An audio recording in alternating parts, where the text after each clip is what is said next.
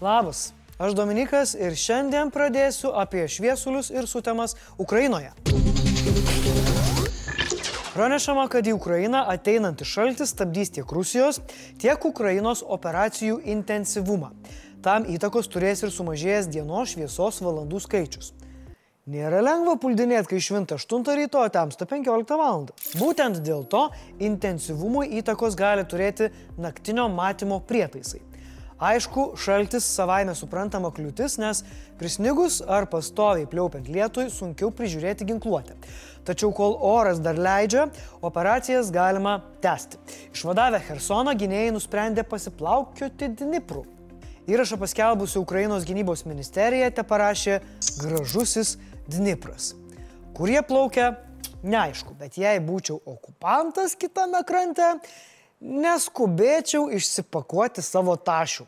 Kas žino, gal vėl tuoj bėgti reikės. Na, o mes Ukrainą sveikinam savaip. Kad teritorijas išvaduoti būtų paprasčiau, perdavėme mes 12 šarvuočių. Tikrai džiugu bus matyti, kaip jie įvažiuos į nuo okupantų išvaduotas naujas teritorijas. O karo nusikaltėlis Sergejus Lavrovas net laikė didžiulės gėdos atvykęs į G20 susitikimą ir buvo išvežtas į ligoninę. Indonezijos pareigūnai praneša, kad Serioža yra gydomas Balyje. Teigiama, kad Lavrovas gydomas dėl širdies lygos. Kita karo nusikaltėlė, gėda patyrusio Seriožos kolega Zaharova, tokias naujienas neigia. Ji teigia, kad naujieną ji perskaitė būdama kartu su Lavrovu. O po to pasidalijo įrašu, kur jis neigia esantis ar buvęs ligoninėje. Net jei ir nebuvo, ten jiems apsilankyti abiems nepamaišytų. Kalbant apie Sunegalavusius pranešama, kad po G20 susitikimo Prancūzijos prezidentas Makronas paskambins Putinui. Kam? Kodėl? Niekas nežino. Gal tiesiog su kitais prezidentais pažvenk norės pasileidęs ant garsiakalbio, jeigu ką, po to skambins iš kito telefono, žiūrės, kam pirmam pakelia. O nepaisant mūsų visų džiugesio ir pasitikėjimo Ukrainos kariuomenę, NATO vadovas Jensas Stoltenbergas pareiškė.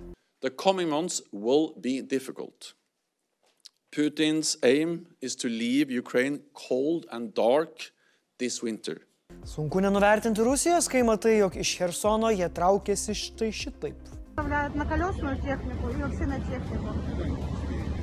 Да ну я вижу, ну что сделать. Пусть хоть как-то отсюда уходит. Na, bet pereikim prie džiugių naujienų. Šiemetinę Lietuvos laisvės premiją siūloma skirti Zelenskiui. Kandidatūrai pritarė Laisvės komisija, o galutinį sprendimą priims Seimas.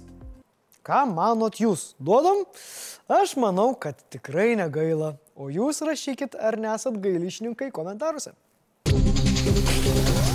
Penktadienį lyg suteikdamas dar vieną progą pakelti bokalą, Ukrainos prezidentas Volodymyras Zelenskis oficialiai patvirtino, jog Hersonas yra išlaisvintas nuo okupantų. Valio, net Makronas pasveikino ukrainietiškai. Šiandien Zelenskis nusprendė atvykti ir asmeniškai pasveikinti Hersono gyventojus. Ten gėdant himną buvo iškelta Ukrainos vėliava. Tuo iškart putodamasis labai pasipiktino įtartinos geltonos spalvos ūsų savininkas Dmitrijus Peskovas, nes, pasak šito šunieko, Hersonas vis dar Rusijos teritorija. Tai ko Putinas net važiuoja į ekskursiją aplankyti tada užsiemęs kybo. Mm. Grįžkime prie pirmųjų išlaisvinimo dienų. Gyventojai dar nesulaukę Ukrainos karių pradėjo nuiminėti rusišką simboliką ir gražino Hersonui geltoną ir mėlyną spalvas. Prezidentas teigia, jog ši pergalė yra visų, nuo eilinio iki generolo, nuopelnas. Kai Ukrainos gynėjai pasiekė miestą ir jo centrą, vietiniai juos pasitiko kaip pridara.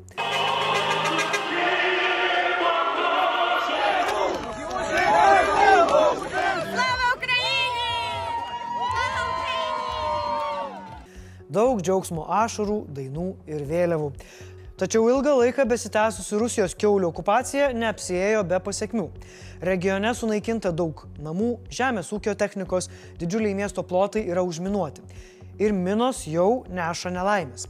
Keturių asmenų šeima, įskaitant 11 metų vaiką, sužeista automobiliui užvažiavus ant minos. Okupantai taip pat sugriovė energetikos įrenginius ir tiltus. Humanitarinė padėtis mieste yra sunki, nes trūksta vandens, vaistų ir duonos. Ir tai ne viskas. Išvaduotame Hersono srities kaime buvo rasti nužudyti civilių palaikai. Teisės saugininkai rado rūsį, kuriame aptiko žmonių palaikus, kurie priklauso trims vietiniams gyventojams - palaikai su lūžusiomis kaukolėmis. Ir tai tikriausiai bus ne paskutinis širpus radinys, kurį po savęs paliko teroristai. Zelenskis sakė, kad Rusija paliko tokius pat žiaurumus kaip ir kitur, o tyrėjai jau užfiksavo daugiau kaip 400 karo nusikaltimų. Džiugi naujiena, kad po sėkmingos operacijos Hersone pranešama, kad šalies gynėjai atsijims visas tarptautiniu mastu šaliai pripažintas teritorijas. Krymą irgi. Taip kad ruoškitės, okupantai. Kazlų Rudiški tikriausiai pagalvojo, kad grįžo į 90-uosius, nes miestelėje siautėjo senosios mokyklos vagišiai. Naktį iš sekmadienio į pirmadienį prie Kazlų Rudoje esančios parduotuvės Maksima įėjimo nugriaudėjo sprogimas. Buvo išplėštas SEP bankomatas. Į bankomatą buvo prileista dujų mišinio. Bankomatą susprogdinus buvo pavoktos pinigų kasetės su juose esančiais pinigais. Sprogimas buvo didelis. Pažiūros stiklai dideliu spinduliu nuo parduotuvės patalpų, truputį pažeista ir stogo konstrukcija. Dėl įvykio policija ėmėsi veiksmų plano skydas. Po incidento pastatas kol kas uždarytas, įvykio vietoje dirba policijos pareigūnai. Vėliau darbus tęs Maksimos inžinieriai, jie atliks pastato rekonstrukcijos vertinimą. Vagišiai iš tokio įspūdingo apiplėšimo e, nieko nepeš. Bankomate buvę pinigai apipurkšti, todėl nusikalteliai negalės jų panaudoti. Reaguodamos į smūgį, dujas ar temperatūrą, pinigų kasetės bankomate esančius pinigus apipurškė specialiu rašalu. Jis nenusiplauna nuo grinųjų, taip pat apie dvi savaitės lieka ant pirštukų. Suteptų kupiūrų nepriima bankomatai, į kuriuos galima įdėti pinigus. Tad jei pastebėsite žmonės rašuolotomis rankomis, kreipkitės į, ne į mokyklą, į policiją. Tikėtina, kad jie nedailyraštį mokykloje su parkeriu rašė ir prisižaidė. Jie tie, kur už garažo rūkė, čia tie tikrieji. Turkijos sostinę sukrėtė tragedija. Per sprogimą populiariame Stambulo pėsčiųjų įstiklalo prospekte žuvo mažiausiai šeši žmonės, daugybė buvo sužeistų. Incidento vietoje liko didelis juodas krateris, o netoliese ant žemės gulėjo keli kūnai. Policija aptvėrė teritoriją, masiškai dislokuotos saugumo pajėgos, skraidė sraigtasparniai ir kaukė sirenos. Pastangos nenuėjo veltui, nes neilgai trukus buvo sulaikyta įtariamoji. Ji esą prisipažino, kad veikė pagal Kurdistano darbininkų partijos arba PKK nurodymus. Turkija, ES ir Junktinės valstijos PKK laiko teroristinę organizaciją. Valdžia mano, kad tai galėjo būti teroro aktas, kurį suorganizavo minėtojai PKK kartu su Sirijos kurdų kovotojais. Dėl to buvo sulaikyta dar 21 įtariamasis. Turkijos vadovas Redžepas Taipas Erdoanas pažadėjo, kad su ataka susijusieji bus nubausti. PKK yra kovotojų grupuotė, kuri reikalauja nepriklausomos kurdų valstybės Turkijoje. Visgi jie paneigė prisidėję prie sprogimo. Beje, Istiklalo gatvė dar 2016 metais buvo tapusi teroristinio išpolio taikiniu. Po išpolio užuojautos Turkijai pasipylė iš viso pasaulio. Baltieji rūmai pareiškė, kad JAV su savo partneriais laikosi petys į petį. Tačiau Turkija atmetė JAV užuojautą dėl šešių žmonių žūties. Erdoanas dažnai kaltina Vašingtoną, kad šis tiekia ginklus kurdų kovotojams Šiaurės Sirijoje, kuriuos Ankara laiko teroristais. Blitz naujienos. Lietuvos gyventojai prezidento rinkimuose palaikytų dabartinį šalies vadovą Gitaną Nausėdą artimiausias čia varžovas buvęs advokatų tarybos pirmininkas Ignas Vėgėlė. Trečią poziciją užima premjerė Ingrida Šimonytė, už jų Saulis Kvernelis ir Vilija Blinkevičiūtė. Ką tik sugalvojau dainelę. Venskienė jau politinė vėlė, veržėsi ten pat ir Vėgėlė. Venskienė jau politinė vėlė, nuvytusi bus gėlė Vėgėlė. JAV prezidentas Joe Bidenas ir Kinijos prezidentas Xi Jinpingas pradėjo savo pirmąjį asmeninį susitikimą. Jie vienas kitam spaudė rankas Indonezijoje, kur dalyvauja G20 viršūnių susitikime. Bidenas sakė, kad jie turi atsakomybę parodyti, kad jų šalis gali tvarkyti su savo skirtumais ir nustatyti abipusio bendradarbiavimo sritis. O si pridūrė, kad tikisi, jog šios dvi šalis pakel santykius į aukštesnį lygį. Prancūzija ir Junktinė karalystė pasirašė naują susitarimą dėl bendradarbiavimo siekiant sustabdyti migrantus, kurie mažomis valtimis plaukia per Lamanšo sąsiaurį į Angliją ir kelia didžiulę dvišalę įtampą. Pagal susitarimą Junktinė karalystė sumokės Prancūzijai apie 72 milijonus eurų, kad Paryžius galėtų 40 procentų padidinti patruliuojančių saugumo pajėgų skaičių.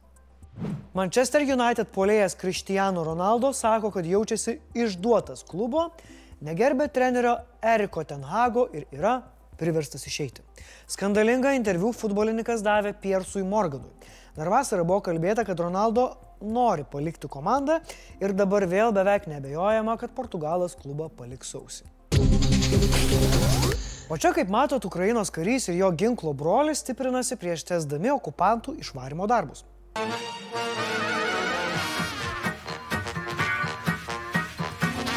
Если бы я был султан, я бы имел трех жен. Komentarų metas.